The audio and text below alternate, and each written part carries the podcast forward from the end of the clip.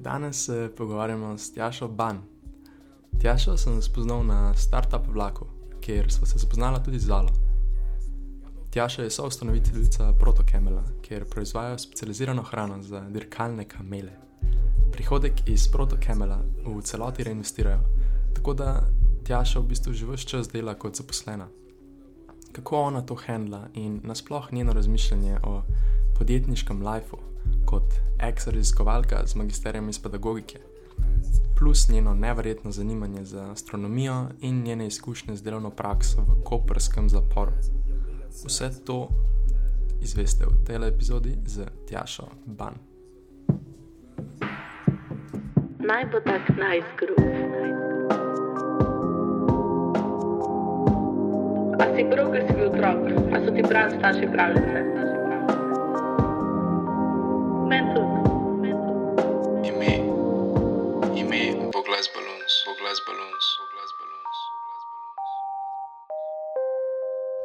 Prva zadeva, ki me zanima, uh, še vedno je v polni aktivnosti Protokemel, a ne? Se pravi pač prodaja hrane v bistvu za dirkalne kamele. Ja, naš startup še vedno obratuje, tako da to, ta dejavnost je še vedno moja. Ja. In uh, kot sem malo prebral na, na internetu, dejansko niste nikoli v bistvu iz prihodka Protokemelov, Protokemela sebi splačevali uh, denarja. Vedno ste v bistvu imeli neke druge jobe zraven. Ja? Tako je, nismo si nikoli splačali plače, eh, vse, kar smo v bistvu prihodka dobili, smo vložili nazaj v rast, tako da smo vsi trije v ekipi eh, tudi zaposleni. To mi je ful zanimivo, še posebej recimo v teh letih, ko ste vi to začeli, ne? Se pravi, ti si bila koliko 24 takrat? Um, Eh, Ja, uh, tvoja co-founderka je bila 22, če imam Mhm. prav v mislih, da ste v bistvu že takrat nekako sprejeli ta choice, da, da, da boste v bistvu vse reinvestirali. Ne? To se mi zdi ful, taka zadeva, ki bi malo folka te naše starosti, se pravi, kot sem jaz recimo, naredil. Ne? Ja, ampak ko pa začneš to delati, pa zelo hitro vidiš, da za vsako stvar, za vsak raz, za marketing, za doseganje novih kupcev, a pri nas za vsak sejem potrebuješ denar. In če bi si mi izplačevali karkoli, najprej sploh ni bilo dovolj denarja, da bi si lahko izplačevali plače. Se vsi vemo, da to ni samo neto plače, ki te vidiš, pa bruto, pa vsi prispevki, pa je to kar precej denarja. Um, in smo pač vedeli, da enostavno bo pač potrebno vložiti nazaj notri, če želimo, da se kaj razvija. Hm. In mi je zanimivo, ker ste potem v bistvu vsi full-time bili zaposleni drugje. Ja? Ja, na začetku smo v bistvu bili s Patricijo še študentki, tako da smo v bistvu študentsko delali, študirali, zaključevali študij, potem pa se zaposlili drugje. Hm. In kakšen je bil tako, recimo, v, temu, v tistem momentu občutek, oziroma še zdaj potencialno, ko veš, da mogoče, če bi lahko uh, ti nekako ta prihodek iz Protokemela ful povečala, ne, da bi lahko se potem 100% fokusirali v, v to, ne pa da ste v bistvu mogli svojo mentalno energijo dajati v, v job. Oziroma v tvoji, v tvoji situaciji je bilo mogoče malo drugače, ko nisi imela nekega klasičnega 9-to-5 joba. Ne?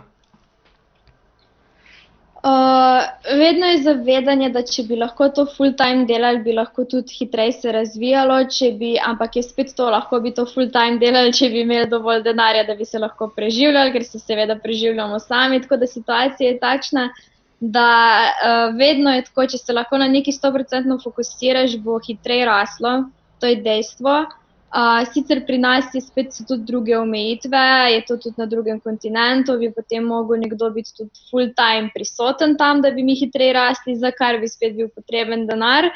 Tako da vedno se nek, nekako ustavi pri denarju in potem se odloči za tisto možnost, ki je najbolj optimalna. Um, nam je bila najbolj optimalna možnost ta bootstrapping način, toliko, koliko v bistvu mi zaslužimo, potem porazporedimo, um, nazaj vložimo. Um, smo se trudili čim bolj šparati, pa res vlagati tiste stvari, ki so najpomembnejše, hkrati pa pač se nekje zaposliti, da smo v bistvu um, zaposleni, da imamo pa tudi denar za svoje lastno preživetje. Hm. Ker si rekla, da, raz, um, da bi v bistvu tam mogli imeti nekoga uh, lokalno prisotnega, ne? A ste ja. dejansko razmišljali, da bi zaposlili uh, kakšno osebo iz tam, prav, ko živi tam?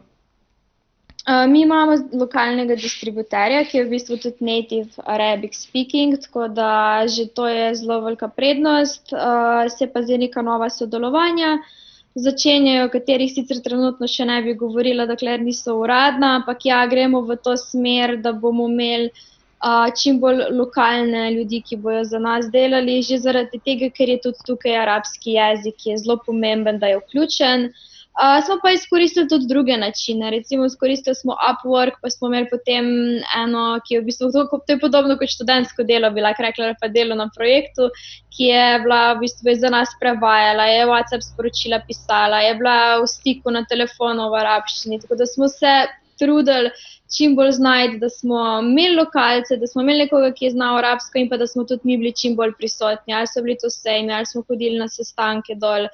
Je pa potem prišlo leto 2020, ko pa ne vem, če rabim naštevati, kaj ja. vse je uviralo podjetja v tem letu. Tako da lani smo bili v bistvu samo enkrat dol in še to na začetku leta, pa v bistvu že, ko je bila razglašena epidemija, smo se mi potem vrnili nazaj. Hm. Kaj si omenila WhatsApp? Uh, to sem ja. tudi v bistvu prebral, da ste opazili, da je dejansko večina posla se upravlja prek WhatsAppa. Ne? In ja. to mi je fully zanimivo, ker uh, se pravi, mi smo v Ljubljani pred korono furali dogodke za, za tuje študente. Uh mhm. -huh. Smo bili tudi pač parkrat, uh, sem bil prvi v ustvarjalniku, ne? da ste mi dali par napotkov. In tam se je v bistvu popolnoma vse delalo prek WhatsAppa. Ne? Se pravi, komunikacija s temi tujci oziroma pač tujimi študenti. Um, in smo imeli praktično cel biznis postavljen na WhatsAppu. Ne? Facebook je bil samo zato, da je bil tam nek event, vse ostalo pa na WhatsAppu. In ful zanimivo, kako je to čist neki drugač, kot ne vem, kako je bilo, I guess, pet, deset let nazaj. Uh, čist neka druga ja. zgodba. Je kar zanimivo, pa tudi mislim, da Slovenci sami po sebi nismo navajeni tega WhatsAppa mi imamo še te messenger komunikacije, pa to, pa seveda se še večino stvari dela prek maila. Ampak jaz bi rekla, da ko enkrat začneš delati z tujino, sploh z bližnjim vzhodom, pa dobro, moja izkušnja je tudi z američani, um, da kar velike komunikacije preko WhatsAppa. Uh, hitreje se kaj dogovoriš, klici so tam, kakšni voice messages se pošiljajo, um, hitreje gre vse skupaj kot kakšen mail, potem grejo pa te bolj uradne stvari, pogodbe in takšne stvari pa potem preko maila. Mm -hmm. Razumem, ja. In ti si bila, torej uh, dve leti si bila v ustvarjalniku, ne? Cerka nekaj tajzga. Uh, ja, približno dve leti, kakšen ja. mesec več, ja. In ti si v bistvu potem konkretno prevzela vlogo Chief um, Operating Officerja, ne? poleg Matije. Tako je. Ja, jaz sem pa v bistvu potem vodila projekte, eden od teh projektov je bil tudi Startup Train, uh, ki je bil zelo znan projekt, pa potem sem prevzela vsa podjetja, partnerska, s katerimi smo delali, uh, operativno vodenje fundacije. Tako da v bistvu neko operativno vlogo v podjetju sem prevzela mhm. jaz. Lih ta startup train sem ti že omenil, ne, da je to tudi uh, place, kjer smo se mi dva zelo spoznala. Um, ampak nisva pol čist takoj lončala podcasta, dejansko je minilo ne vem, pol, polovica leta, nekaj tasga, dokler je korona. Potem, ko je korona prišla, sva pa začela. Um, ampak ja, če ne bi bilo startup traina, se verjetno to ne bi, ne bi zgodilo, tako da full hodo. Jaz sem takrat tudi uh, nameraval biti v naslednji tej mentorski ekipi, od startup trena oziroma ne mentorske ekipi, um, staff, staff on site. Ne? Uh, mm -hmm. Ko mhm. se je govorili, da bo pač še en event potem, ampak itak zaradi tega. Ja, jadranje. Ja, tako. Uh, ampak potem ja, je korona prišla. Hm. Ja. Meni je drugače zelo lepo slišati, ker večkrat slišimo od koga. Ja, to se je pa začelo na trenu, ali pa ta zgodba, to sodelovanje se je začelo na trenu. Res tam se je toliko enih vezi poslovnih, prijateljskih, eh, med eh, mentoriranci mentori podjetij skalo. Recimo, na nek način tudi podjetje, v katerem delam jaz danes, jaz sem spoznala uh, ekipo na Startup Trainu. Tako da, ja, veliko enih stvari je v bistvu nekako ta train povezal. Hm, ja. In to sem tudi potem zdaj videl, ti si zdaj na skazi. uh, si šla iz ustvarjalnika v skazo in si prevzela nekako uh, sales, kot sem videl na LinkedIn-u. Ja, uh, zdaj sem v bistvu BDM, Business Development Manager za lastno blagovno znamko. Um, prevzela sem pa za začetek uh, arabski trg, Middle East, uh, ameriški trg, pa potem počasi dodajam tudi kakšne evropske države in tako naprej. Mm. Dejansko je hodo, ker si ti v bistvu zdaj praktično neka, um, tako rečeno, izvedenka v bistvu za, za Middle Eastern trg konkretno zaradi protokemela, ker v bistvu ful malo ljudi, še posebej v Sloveniji, sklepam, lahko to reče. Ja, zdaj imam pa že kar neki izkušen uh, dela z Bližnjim vzhodom, tudi kakšne so posebnosti, malo sem spoznala kulturo, tako da mi je lažje kot pa nekomu, ki to dela prvič. Uh, ja, ni, ni nas pa veliko, ki delamo z bližnjim shodom v Sloveniji, tako da kar nekaj slovencev poznamo, imamo zelo podobne izkušnje, vsi si svetujemo, pomagamo med sabo, ampak ja, ni pa to trg, s katerim bi Slovenija veliko delala. Mm, razumljivo je. Ja. Hm. Um, zdaj, ti si bila na pedagoški fakulteti. Ja. In, ja. Ampak potem si jo pač protokemel launčala. Me zanima, uh mhm. -huh. če si že predtem, se pravi tekom faksa, osnovne šole ali pa srednje šole, že kakšen tak manjši projekt poskušala sfurati? Uh, projektov sem jaz kar nekaj uh, imela v teku, bolj tekom faksa, uh, ampak noben od teh projektov ni bil pa podjetniški no, v, v tem stilu, da bi iz tega rad v poslu. So bili vsi uh, bolj pedagoški, delala sem tudi projekt v zaporu, pa no, take bolj. Vse so bili zanimivi projekti, ampak niso bili pa podjetniški. Torej, v bistvu, raziskovalni projekti. Ja, bolj raziskovalni pedagoški projekti. Hm. A si potem tudi dejansko mislila, da boš raziskovalka po faksu? Drugače sem želela iti eh, naprej za mlado raziskovalko. Ja. Mm, hm, hm. Sem želela v bistvu na tem področju delati socialne pedagogike, penologije in tako naprej. Uh, ampak potem je pa v bistvu dosti bolj potegnilo v podjetništvo. Ful zanimiv.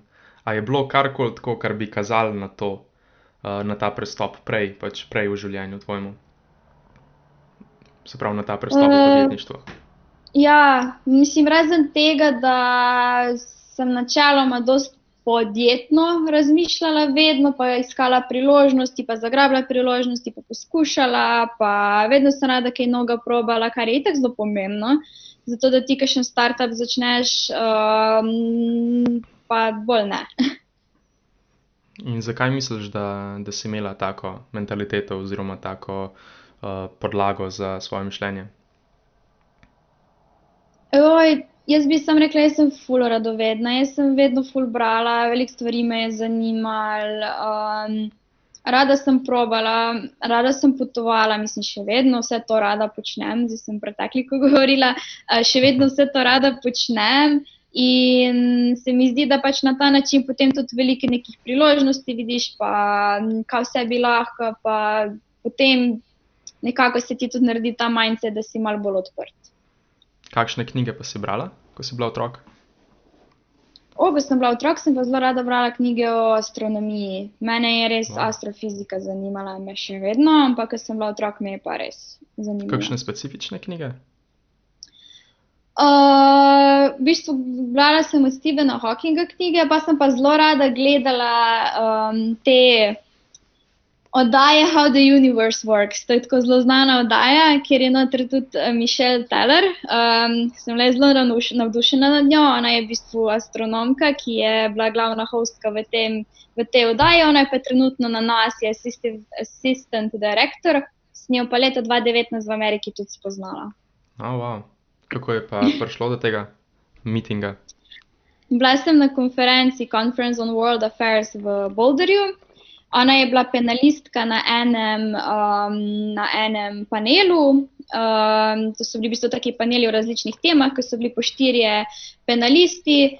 In zaradi nekih težav s pristankom letala, en penalist ni mogel govoriti, in so potem v bistvu mene porabili, da sem skočila noter in je bila zraven mene na mizi. Za mizo zraven mene, tako da je res zabavno. A sta kaj govorila o tem, da si bila pač kot otrok uh, velika fanica? Ja, na hitro sem se predstavila, mečkam sem ji omenila, ampak je bilo res tako na hitro, ker je bilo veliko, je- ona je imela potem že naprej govor, to je bilo res natempirana konferenca. Razumljivo, ja. Huh. A si brala tudi kaj um, fikcije?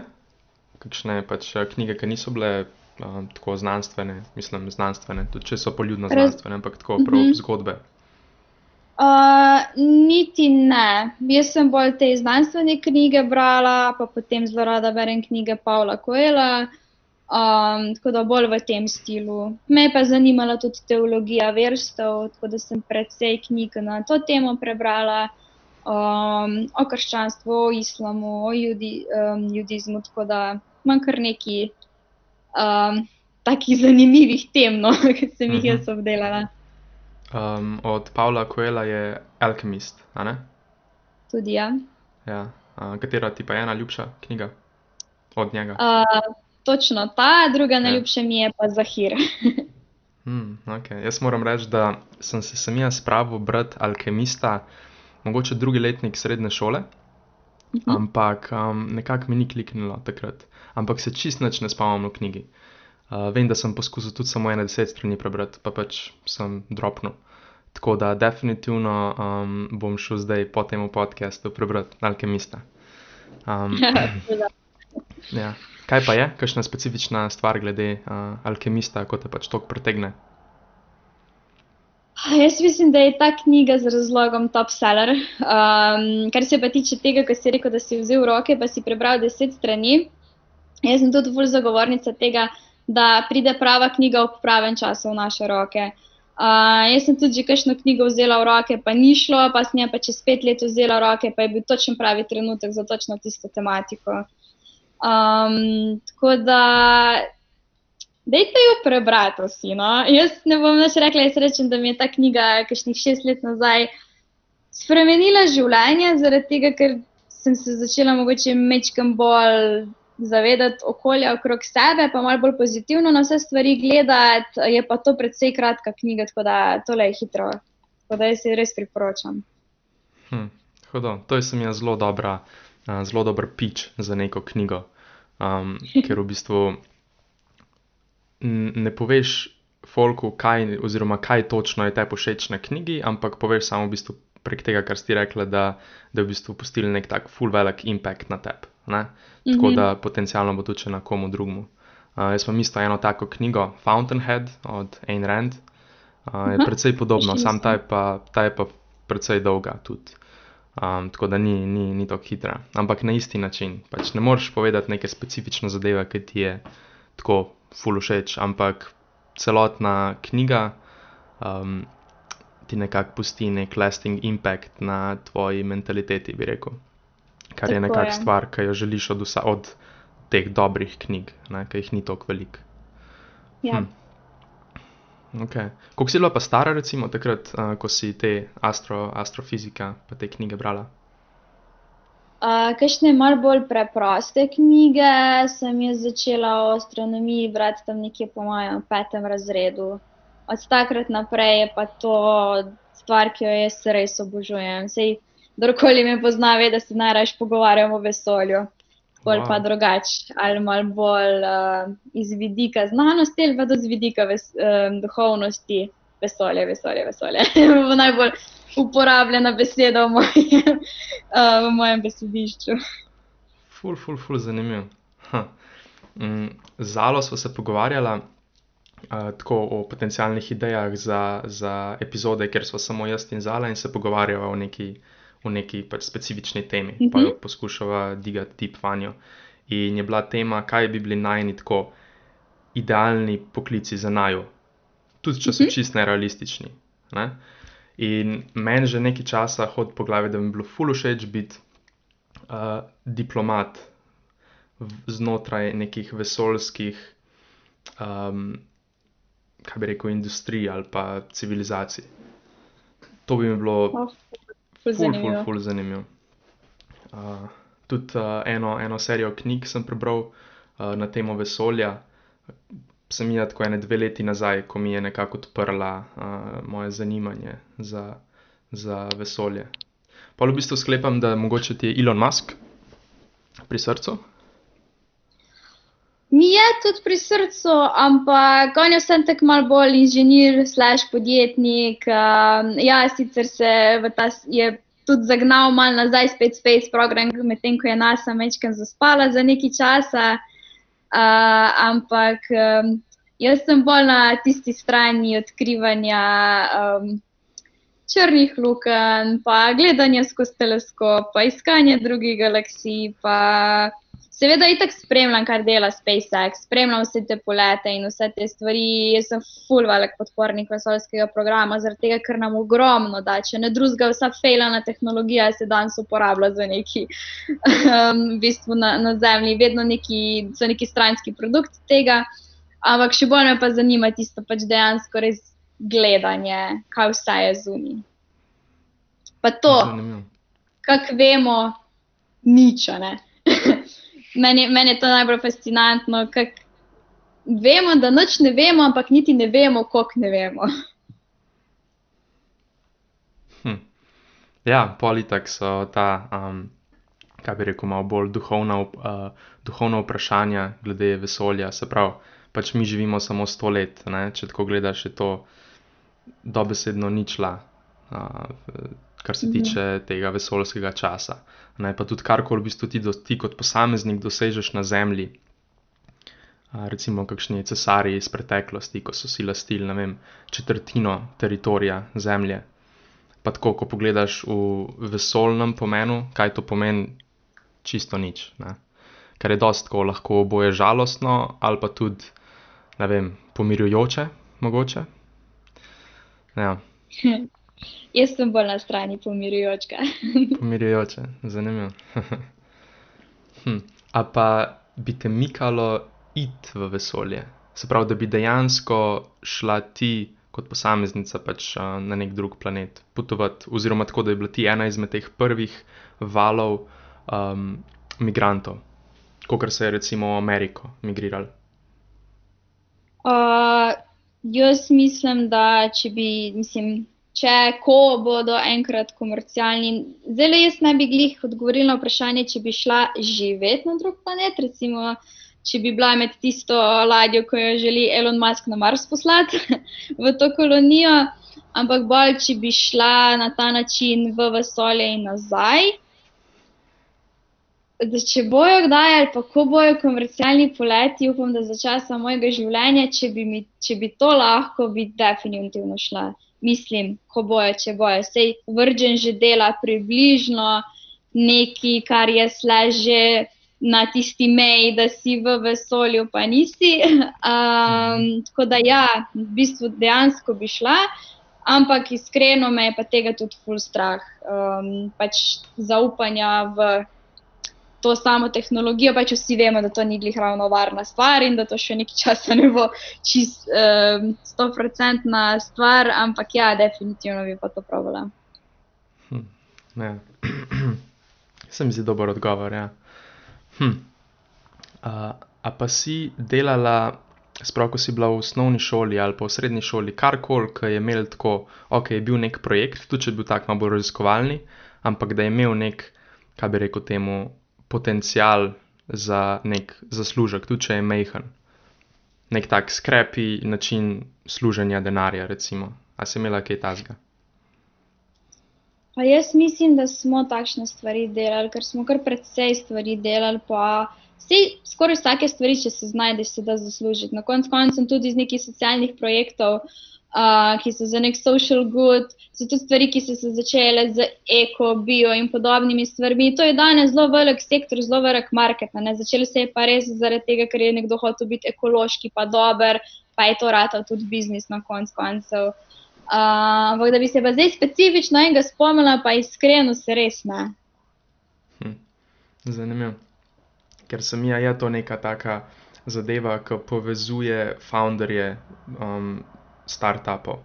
Uh, se mi zdi, da, torej, da so imeli neko stvar, ko so jo v svojem dosedanjem življenju delali, ko se sploh niso zavedali, da je nek biznis, Uh mhm. -huh. Pa če je to mogoče vem, prodajanje kvizov v srednji šoli, ali pa prodajanje odgovorov za teste, ali pa delanje, pisanje plonkcev za druge, pa pač si račune nek denar za to. Ne?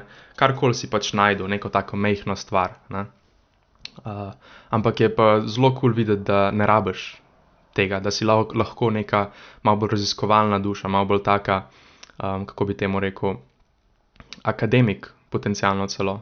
Uh, a, bi, a bi klicala ja. se malo bolj akademik? Zdaj ne več. Ja. Sem bila, sem definitivno bila bolj v akademskih vodah, ampak sem imela pa tudi, se spomnim, dosti drugačen mindset kot moji sošolci. Uh, tako da vedno, vse kot sem rekla, sem vedno imela malo bolj podjeten mindset, pa ne toliko socialen v smislu, da meni je res in, in pedagogika in vse to mi je bilo super, ampak če mi neki ni pilo vode, mi pač ni pilo vode v praksi. Tako da nikoli nisem bila teoretik, ker akademija je še vedno precej teoretična. Zato ne bi rekla, da sem tok akademik, pač praktik sem. Um, ali sem jaz nekaj brala, ali sem jaz nekaj delala, vedno sem šla na takšen način, a to v praksi pije vodo ali ne, ali se to lahko dela ali ne. In to tudi, ko sem bila na faksu, če je meni profesor nekaj razlagal, zakaj sem jaz vedela, da se v praksi ne izvaja, ne more izvajati, ne bo obneslo, pač ne mi tega razlagati, ker pač se ne obnese. Uh, tako da mogoče bolj iz tega vidika, da nisem bila nikoli teoretik, ampak bolj praktik. Nisem to krada stvari poslušala, pa brala, ampak sem šla pač takoj provat.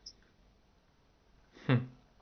To se mi zdi, da je v, v akademiki precej težko narediti, da, da greš vse te teorije sprobati. Recimo, mogoče je v pedagogiki kanček lažje, um, ker dejansko lahko ti direkt z ljudmi imaš neke zadeve. Ne?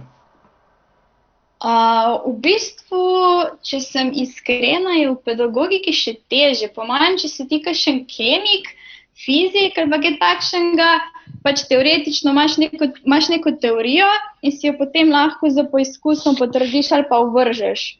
Pedagogiki tega ne moreš, ker smo si ljudje tako različni, da v bistvu vse te pedagoške teorije lahko držijo, lahko pa pač ne. ne? Hmm. Jaz mislim, ja. da sem vsem bila v takem sektorju, da je bilo težko no, povedati, kaj dejansko deluje, pa kaj ne. In kako si potem ti to testirala? Uh,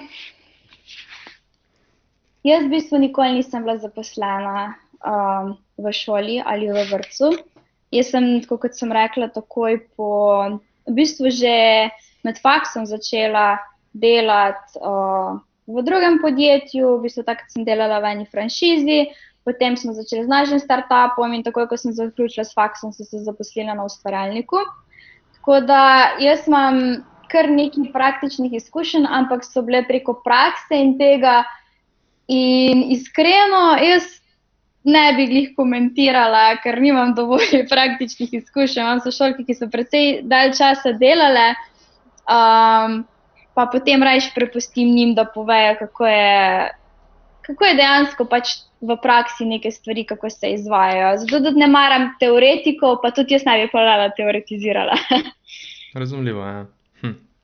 In ti si izbrala pedagogiko za svoj študij, kar mogoče ja. iz tega, kar si do zdaj povedala, vse ne bi mogoče sklepal. Ne? Ja, pa te zanima, zakaj sem to izbrala. ja. No, spet, kot sem jaz rekla, meni sta dve tematike, ki sta me najbolj zanimale v srednji šoli, vesolje pa teologija verstev. Uh, jaz fizike nisem imela na meni študirati, zaradi tega, ker matematike pa res ne maram. Um, in sem se pač odločila, da pač bo to ostal moj hobi. Teologija verstev je pa tudi neka taka stvar, ko spet nisem videla možnosti, kako bi se jaz zdaj zaposlila, kaj bi zdaj jaz tem, s tem delala, in sem se pač odločila, da bo tudi to ostal moj hobi. Uh, in sem se potem takrat odločila, v bistvu nisem imela pojma, kaj želim delati. Um, in sem, sem ful želela iti študirati v Koper, ker mi je bilo ful všeč v Kopru, ker je pač na obali. In potem sem se odločila, a jaz grem v Koper, b zdaj moram najti pa faks v Kopru. In pa sem začela iskati fakse in sem prišla v bistvu do tega do edukacijskih ved, ki je bila neka splošna pedagogika, ki ni bila usmerjena ne na šolo, ne na vrtec, ampak res bilo je tudi precej psihologije, ki me je tudi pač zanimala. In sem rekla, ok, to mi zveni dobro, uh, pejmo to. Tako da ja, na tak način sem se jaz odločila za faks. Pa mi ni žal, pa ne bi, ne bi nič vzela nazaj. Mm. Zanimivo. To je hud, da si si v bistvu na obali želela uh, dobiti nek faks in si si ga. Ne? Tako je. Ja. V bistvu sem, jaz sem se čist na podlagi svojih dejavnikov odločala. Ja, ful dobro, ful dobro. Jaz sem imel v bistvu samo uh, fakulteto za računalništvo, torej free v mislih za faks, ampak mogel sem se mi še neko odločitev dati in sem dal pomorstvo, ki je isto v Kopru. Ne, um, isto, popolnoma zaradi tega, ker ok, če mi ne rata prideti na free, bom pa na morje. Pa grem pa na morje. ja, Ja, vse to ja. je to. Sam kot sem slišal, uh, folk, sprav na, na, na, na mojem faksu je precej folka iz obale in so rekli, da v bistvu na obali ni tok. Uh, socialen life ni tako močen, uh, je še posebej zdaj med korono, je pa je čista žalost tam zaživeti kot študent.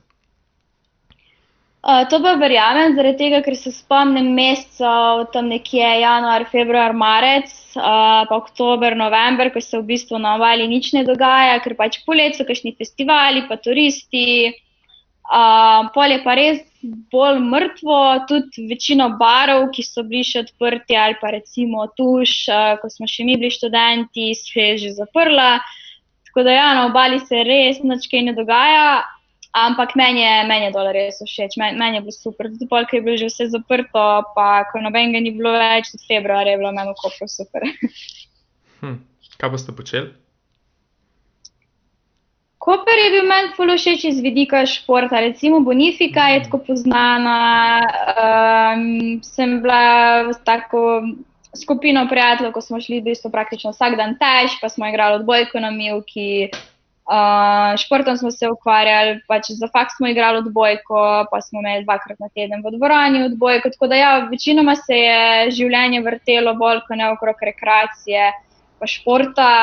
Um, pa tudi sam ta vibe uh, v teh bolj obmorskih mestih je čist drugačen. To je res tako, no, dajmo na easy, dajmo ob devetih začeti, gremo najprej na kavo. Pač drug mindset je, vse je malo bolj v easy, vse je malo bolj na italijanski način, ki so res taki, kako bi rekla, na lahko si ga vzamejo, vzem si ga lagano, varianta.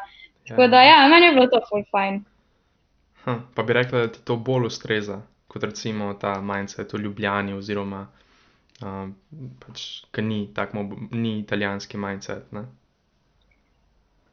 Meni je ta, da ima si ga malo bolj na easy mindset vzeti uh, všeč, uh, ampak dokler so pač stvari narejene, ne da se potem prokrastinira na ta način, da, je, da se pa nič ne naredi. Um, mislim pa, da gremo tukaj pa že včasih malo v skrajnosti, v drugo smer in bi bilo fajn dati malo tega koprskega vajba noter. Hm. Meni je bilo zanimivo, ko sem bil zdaj jaz na svoji uh, delovni izmenjavi v Berlinu. In Berlin je, pa delal sem v startupu v Berlinu, in Berlin je znan po tem, vsaj kar se tiče evropskih mest, da je najbolj tak, kaj bi temu rekel, um, odprt, folk je dost tako v easy, um, full alternative, ne? ampak je pa to nekako središče startupov v Evropi, kar je full zanimivo, ne bi, ne bi sklepal iz teh dveh zadev. Ne? ja. Um, in sem opazil, da v bistvu founderji, ko mogoče v Ameriki naredijo svoj exit, ne, se pravi, prodajo podjetje, zapustijo startup, pridejo potem v Berlin, v Evropo in tukaj odprejo neko svojo novo zadevo, ki je pa direktno povezana z nekim njihovim hobijem, ampak še vedno je neke vrste startup, ne, in potem so v bistvu lahko produktivni, še vedno, ampak so produktivni znotraj neke industrije, ki je njim res tako full bliz, ki jim full pomeni, ki jim dejansko v prostem času zanimivo preživljati čas na temo. Ne? Tako da mi je full zanimivo primerjati ta evropska mesta glede um, tega, kaj te zanima, pač kakšen startup želiš ustanoviti, greš v kakšno drugo evropsko mesto ali pa v Ameriki recimo, ali pa na Kitajsko. Je full drugač. Ful zanimiva. Da je prav tak trend, se ti zdi. Um, ja, mogoče sploh ne bi rekel trend, ampak dejansko uh, folk, ki sem ga jaz tam spoznal, uh, mm -hmm. ko sem se pač, uh, ko sem startup founder je spoznal, um, je, je kar tako izgledal. No, tako da je ful, uh, ful zanimiv. Se sploh nisem zavedel teh zadev, preden sem šel pač ven iz Slovenije. Hm. Zanima me, kako se pravi, ker ti furaš uh, protokemelj še vedno, ne? ampak obenem imaš pač full-time uh, full employment. Kako v bistvu tvoj zaposlovalec gleda na to, ko se zaveda, da v bistvu ti še vedno mentalno energijo v neki drugega daješ? Ne? Uh -huh. um, jaz sem v času, ko sem delala zraven Protokemal, v bistvu bila zaposlena praktično v treh podjetjih. Začela sem v bistvu v Kopru, ker sem bila študentka, ampak sem praktično delala že full time. Um, pa potem na ustvarjalniku in zdaj na skazi. In jaz imam dobre izkušnje. Pač sem v vseh treh podjetjih je bilo to v bistvu praktično še vzpodbujeno. Uh, zaradi tega, ker. V bistvu sem bila še na enem drugem podjetju uh, na razgovor, se pa nisem odločila za njih, ampak mi je bilo zanimivo, kaj so oni meni rekli na razgovoru, ko sem jim jaz pač povedala za protokame. Um, oni so rekli, da je v bistvu njim to full fine in full pozitivno, zaradi tega, ker oni s tem vidijo, da si ti lahko organiziraš čas, da lahko v svojem podaljskem času ali pa v prostem času špelješ še nek projekt zraven oziroma še neko stvar. Uh, in tudi ne vem, sodelavci, s katerimi se pogovarjam, praktično vsak ima še, še nekaj svojega zraven. Uh, ali je to nek hobi, ali nekdo prevaja, ali ima dejansko še neko podjetje zraven. Um, to je kar pogosto, no? ni, ni tako tak, uh, tak redka stvar. Um, veliko ljudi zraven še kaj drugega počne in v bistvu je pač to nek tvoj prosti čas na nek način. Ne? Vse, kar ti v svojem delovniku ne delaš, je tvoj prosti čas. Zdaj pa v bistvu moja odločitev, ali jaz bom v svojem prostem času delala za svoje podjetje ali pa za svoj popodanski SP, eh, če bi ga imela, ali pa za, ali pa za nek, nekaj prostovoljno, ali bi pa delala v domu upokojencev, ali bom pa popovdne tekla. V bistvu je to tvoj prosti čas. In se mi zdi, da pač, um, dokler so neke delovne naloge upravljene, mislim, da ni problema niti strani delodajalca, da bi, da bi na to grdo gledali, uh, niti ne, ne vidim problema. No. Tako da jaz sem zelo pozitivna izkušnja s tem. Hm. Ja, ja, se čist strinjam. Pa po mojem to še v bistvu kaže na to, da imaš ti res full velike neke interne motivacije.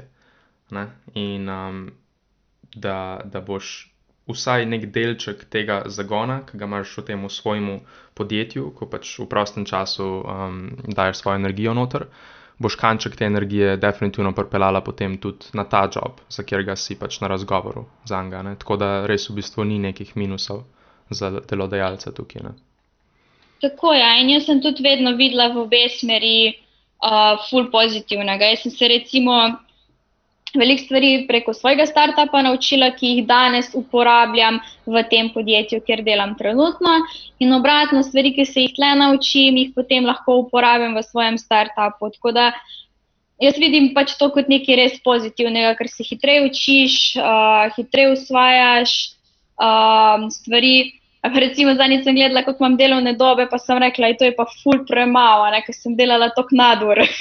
Tako da, veš. Uh, dejansko lahko rečem, da sem se jaz zaradi tega v enem letu naučila, ker bi se na nekem drugem delovnem mestu v petih. Mm.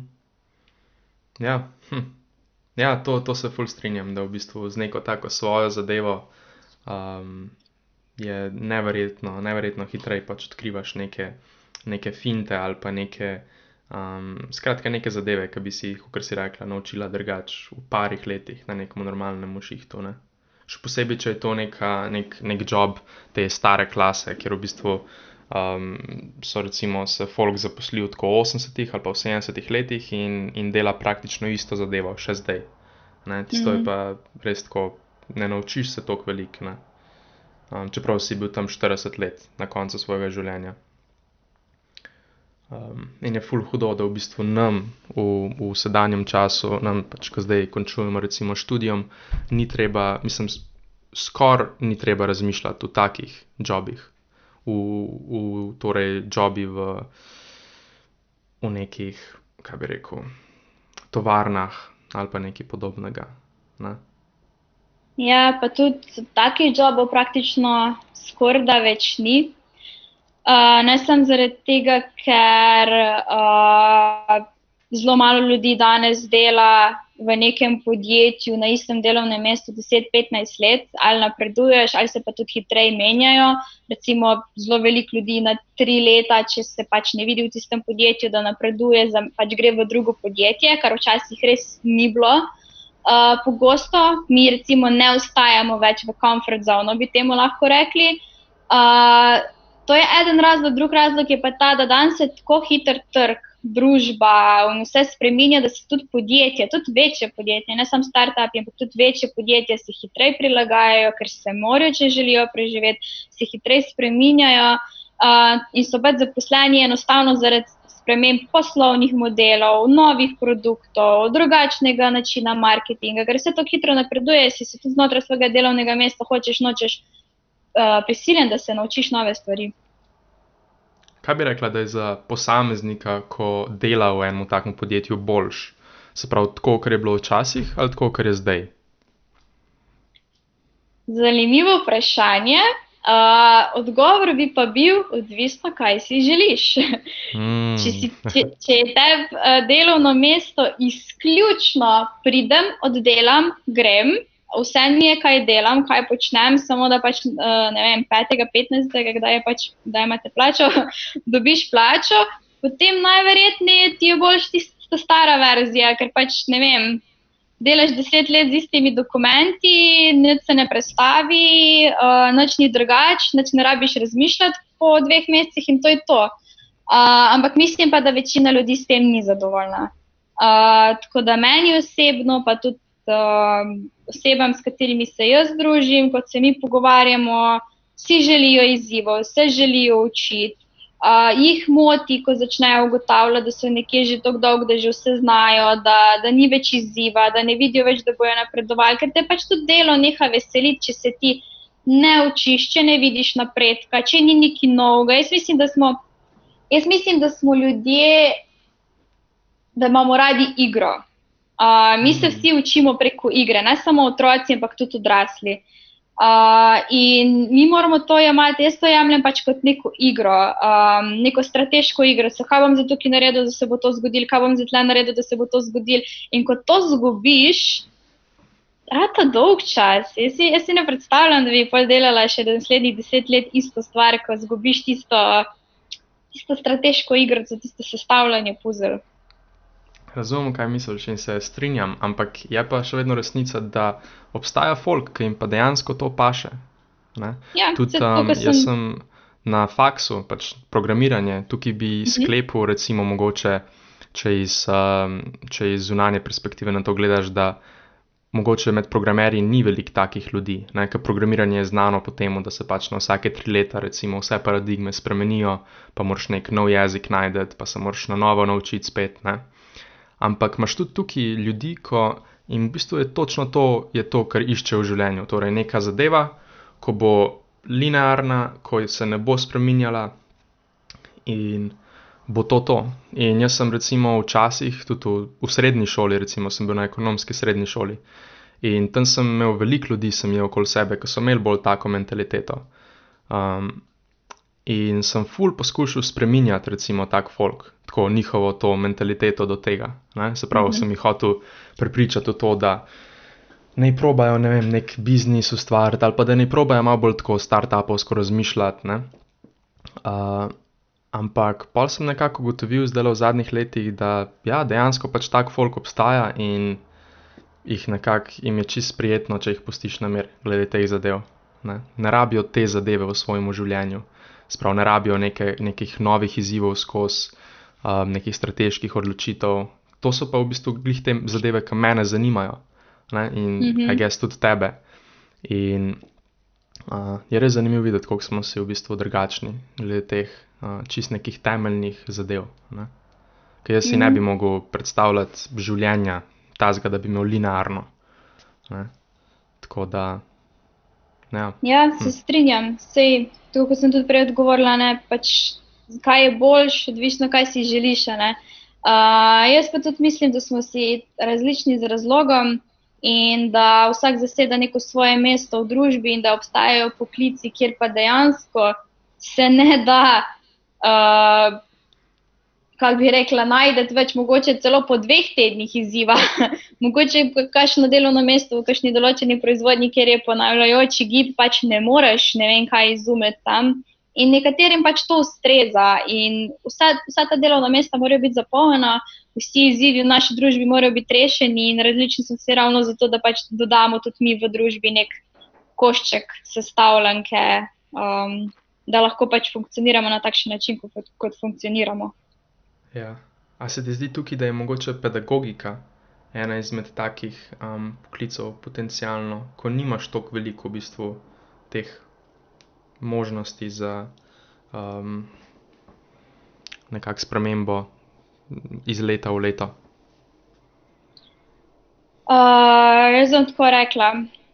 V pedagogiki imaš nešteto možnosti, da lahko mm. spremenjaš to, kar počneš, uh, ker se res sproti učiš, ker sproti reagiraš, ker tu so pa res izkušnje, pri delu z ljudmi so pa res izkušnje in ti res lahko rasteš, se spremenjaš. Bereš, raziskuješ, iščeš nove načine, iščeš nove didaktične pripomočke, jih sam izdelaš, in tako naprej.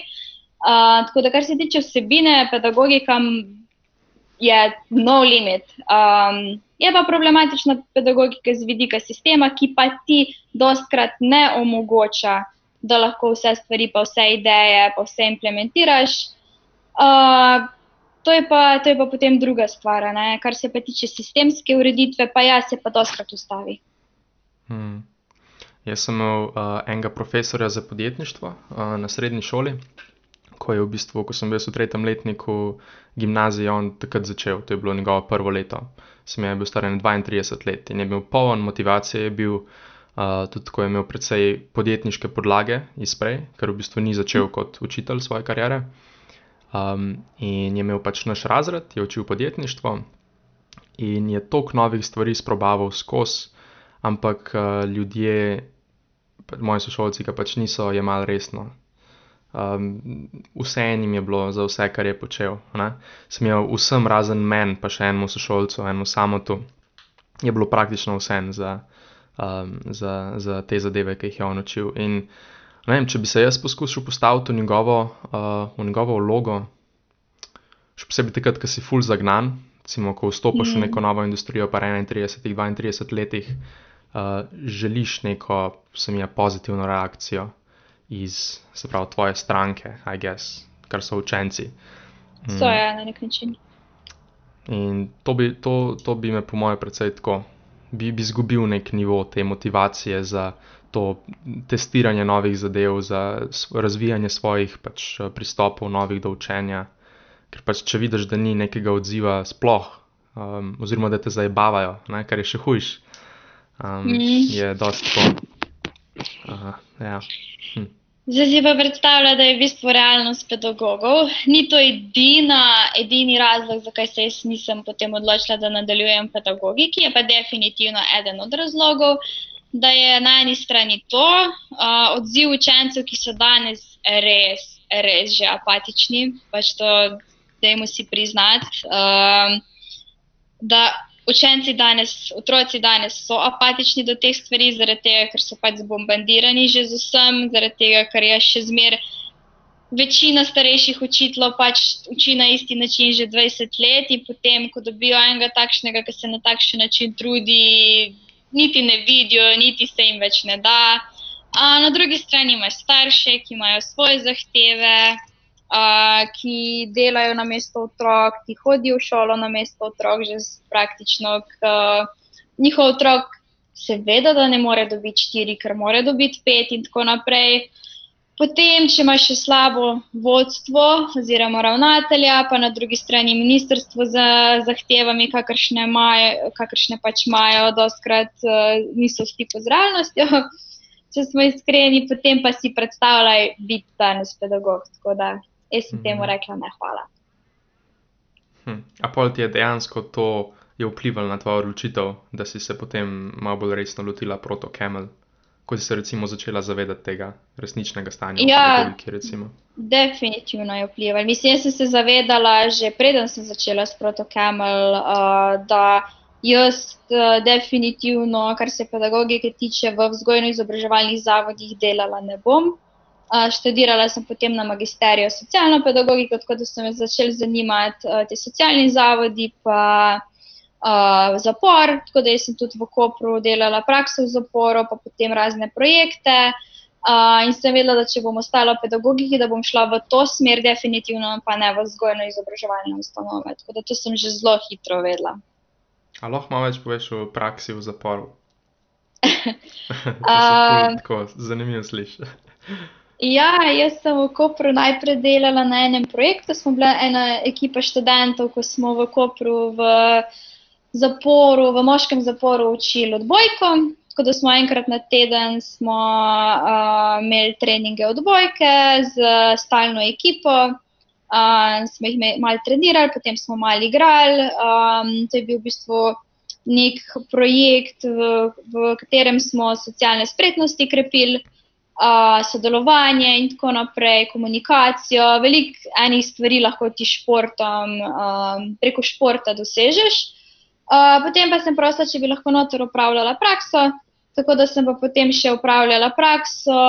Um, v zaporu so pedagogi zaposleni v bistvu kot. Um, v bistvu vodijo osebne mape, pripravljajo cel program, uh, kaj se bodo zaporniki vključeni, nekako si ti skrbnik določene osebe, uh, skrbiš za to, kakšen ima on program in, to, in tako naprej. Tako da sem bila, um, potem sem dobila mentorja, sem bila v bistvu z njim na tem delovnem mestu, sem tudi sama hodila na razna ta srečanja, vodila srečanja, tudi sama pripravila kakšne ure, hodila na vse sestanke zraven, spoznala praktično delovanje celega sistema. Tako da je bilo recimo med najbolj zanimivimi izkušnjami iz mojega faksa in mislim, da če ne bi šla v to smer, katero sem šla, da bi se najverjetneje zaposlila v smeri um, ali zapornem sistemu ali pa v bistvu vzgojnih zavodih.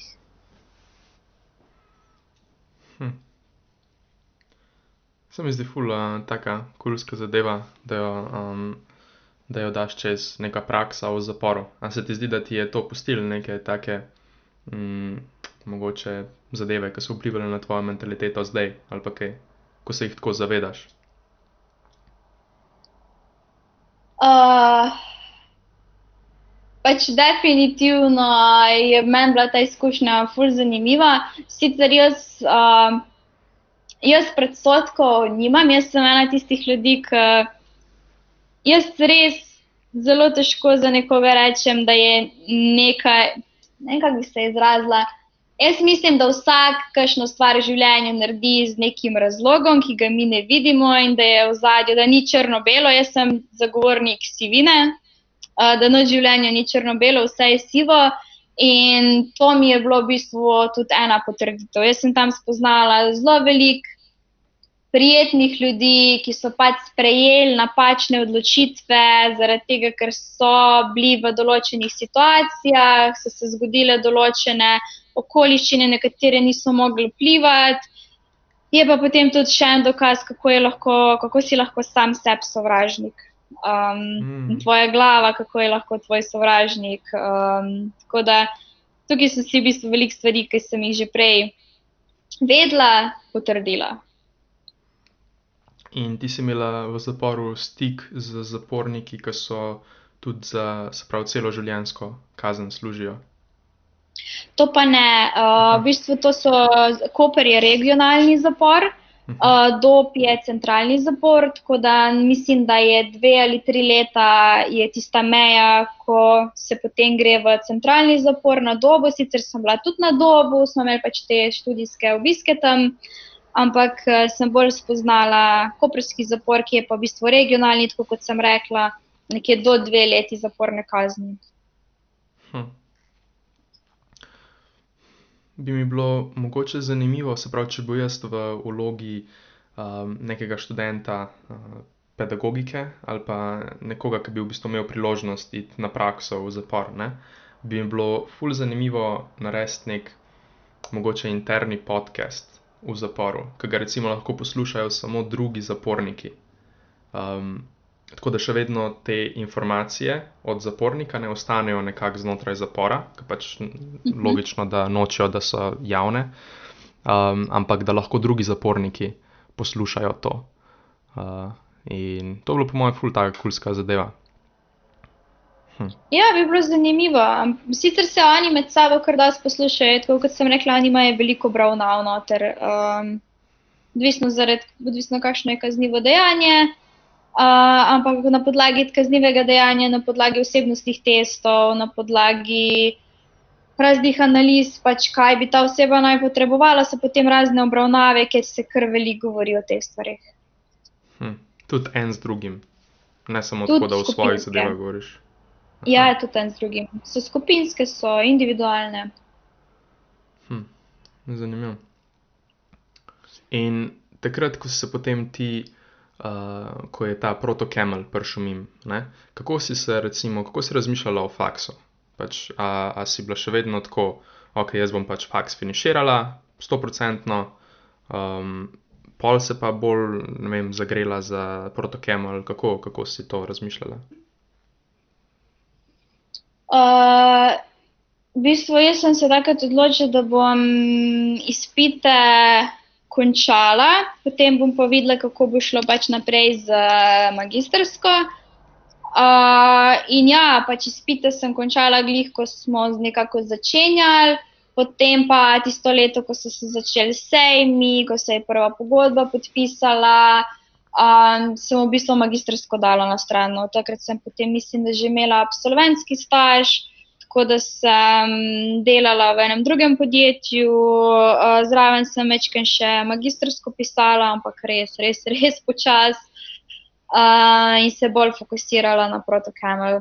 Tako da jaz magistrske še nisem zaključila, tako da to je 2021 cilj, uh, vlečem to že dve leti pa pol, ampak ja upam, da bi pa letos uspel, sem se pa malo bolj lotila. Hm, tukaj mi pade na pamet um, Tadej, tudi je bil že na podkastu, en izmed prvih podkastov uh, na Glass Balloonsih. In on je bil isto na, na startup trainu in ista zgodba, Glass Balloons, se pravi, pač s Folkom, ki je bil tam v ekipi, na startup trainu imajo zdaj pač delajo projekte skupaj, pa take zadeve. Um, in, Ja, Tadej, Bukovec. aha, ok. Ja. Um, no, in on je v bistvu imel um, ne tako podobno zgodbo o kartino, ampak v bistvu diplomsko nalogo uh, na, fakulteti za račun, na fakulteti za računalništvo je vlekel isto neki let, uh, je pa sudoku, uh, nek algoritem za reševanje sudokuja delo. Ne? Uh, in, Zanimivo. Ja, samo je full zavlekel. Tako da jaz sem, jaz sem pristaž, da, da si za diplomsko nalogo vzameš neko stvar, ko se zavedaš, da jo lahko precej hiter, če spraviš. Uh, to, to vidim zdaj, da, so, da je veliko mojih sošolcev naredili to, jaz bi temu rekel napaka, da si vzamejo nekaj, kar jim je pač zanimivo um, in bi pač vlagali svoj čas v to, v raziskovanje tega, ampak ta stvar se potem razvleče in jo vlečejo dve leti. In zdaj, a je vredno um, to? Še vedno lahko ti v svojem prostem času nekaj tasga raziskuješ, diplomsko nalogo pa narediš nekaj, kar imaš v koncu dveh mesecih. ne. Um, tako da, ne vem, nisem čist pripričan. Kaj si tukaj ti misliš? Uh, jaz za diplomsko nalogo sem vzela uh, nalogo takrat, ki je bila precej, precej težka. Sicer to so bili še časi, ko sem bila res čisto v študiju uh, in sem tudi šla delati raziskavo, ki je bila drugačna, specifična.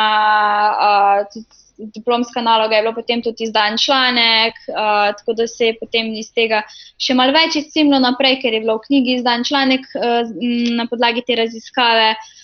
Magistrsko pa sem se lotila na takšen način, kot si rekel, uh, da čim lažje čez spravim, zato ker sem vedela, da jaz uh, faks končujem izključno samo še zaradi papirja, ne več zaradi vsebine.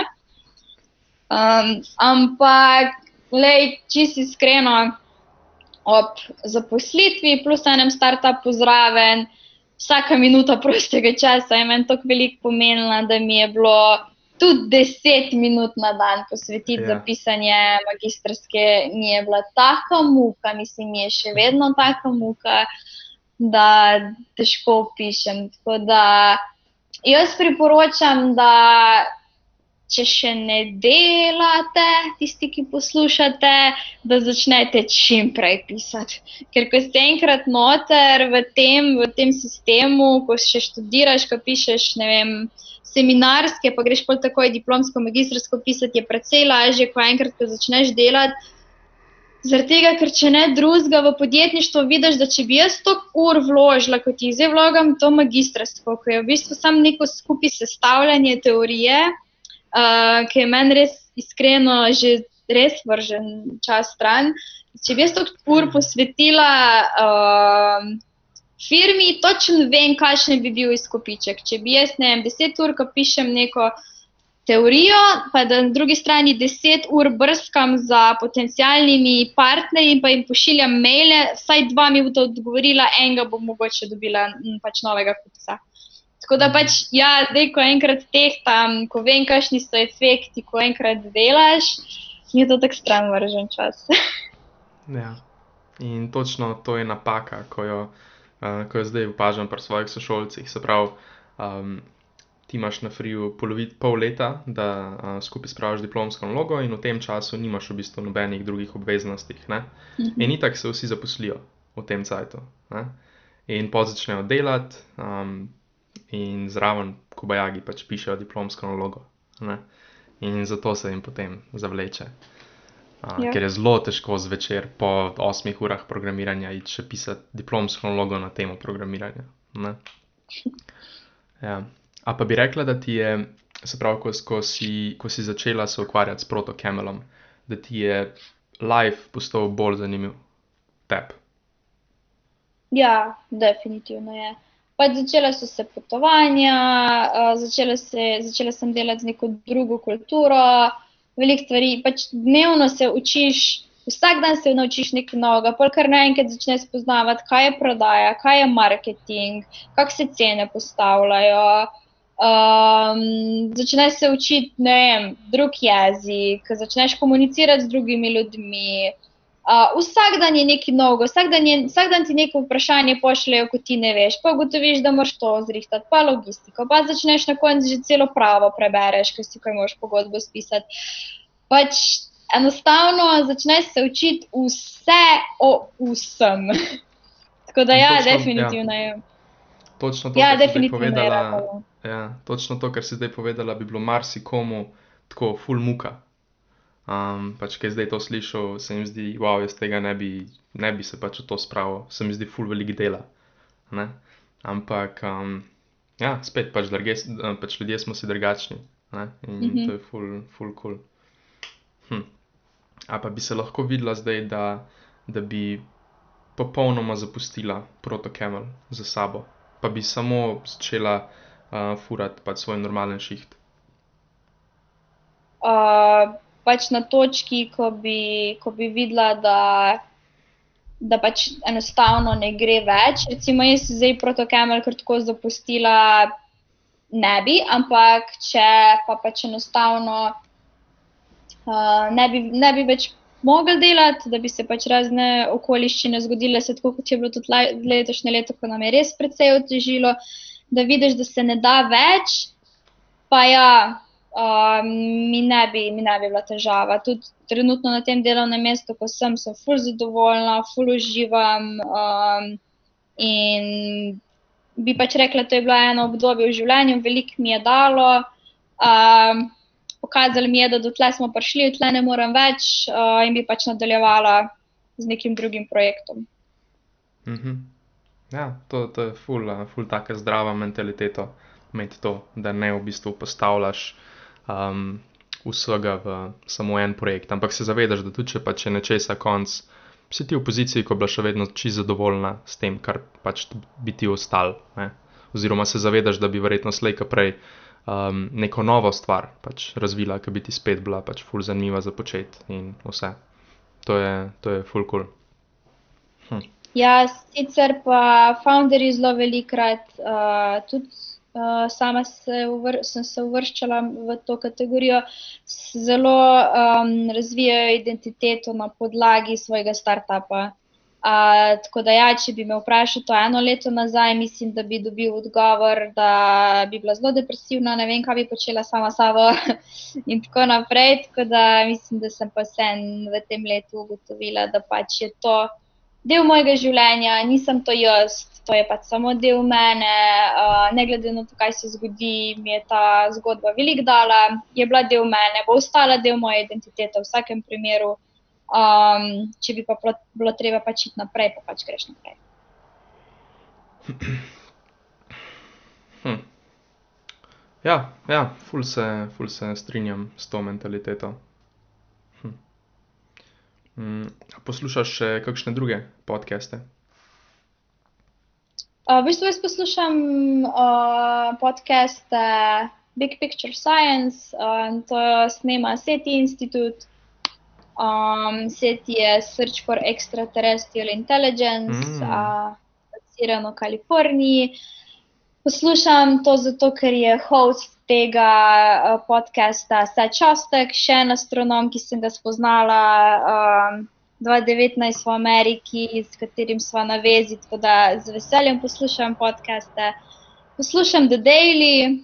Um, to je nekako, da dobiš novice iz Amerike, iz sveta, iz Bližnjega vzhoda. Uh, da je nek hiter, uh, short overview, zaradi tega, ker nimam televizije, ne gledam poročil. Um, tako da na ta način potem pravim se distancirati uh, od tega, ker se mi zdi vse skupaj že precej kaotično. Uh, pa potem take neke pomembnejše informacije, da vsaj sem malo v stiku s svetom, ne, pa dobim potem pre, preko takšnih podkastov. Hmm. Hm. A poznaš uh, Lex Friedman podcast? Ne, to pa ne poznam. Um, to je v bistvu sin od uh, Aleksandra Friedmana. On je Nobelski nagrajen za, um, zdaj mogoče vam to za ampak neki s plazma delci, skratka. Okay. In uh, v zadnjih, bi rekel, v zadnjem mesecu ali pa v zadnjem mesecu, pa pol, uh, ima tako skoraj poln fokus na, na vesolju. Spravimo različne pač folk, um, ali pa piše knjige o vesolju, se pravi teorije vesolja in take zadeve. Um, uh, pa raz, različne znanstvenike, ki delujejo na področju astronomije, pa so Nobelovi nagrajenci, pa take zadeve, pa jih ima gor na podkastu in ima pa z njimi take debate, ki niso scientific tok, še vedno imajo nek, um, nek dodatek uh, znanosti, ampak je bolj tako, kaj je njihovo razmišljanje o svetu, zakaj so se oni odločili za ta poklic, pa take zadeve. Tako da uh, bi definitivno priporočil. Neki za Lex mene. Ja, ja, ja glih to ne. Um, te pa ful tako vidim, mogoče čez ene 20 let, da, da bi lahko ti delala nekaj na tem področju. Um, o, dobro. ja, mislim, se po mojem, se tudi ti imaš neko željo potem sklepam. Ne? Ne? Ja, je neka, je neka skrita želja. ja, ne vem, če je full skrita. ja, full dobro. Full dobro. No, um, bova tudi uh, s tem uh, o vesolju zaključila podcast, se mi zdi, uh, še zadnje vprašanje bi ti dal. Sprav, mm. ime podcasta je Glass Balloons, stekleni baloni. Um, kako si ti, recimo, razlagaš to ime, ko, ko ga prvič vidiš? Zanimivo vprašanje. Hmm. Ha, ne vem, mogoče je ta balon kot nekaj, kar pač vsebuje noter uh, neki in pač steklen, da pač dejansko pogledamo noter. Mogoče nekaj v tem stilu. Hm. Sprav, da je pač zadeva prozorna in da lahko vidiš um, neko razmišljanje tega balona. Tako je, v bistvu. ja. hm, zelo tak praktičen, short pogled na zadevo. I like it, I like it.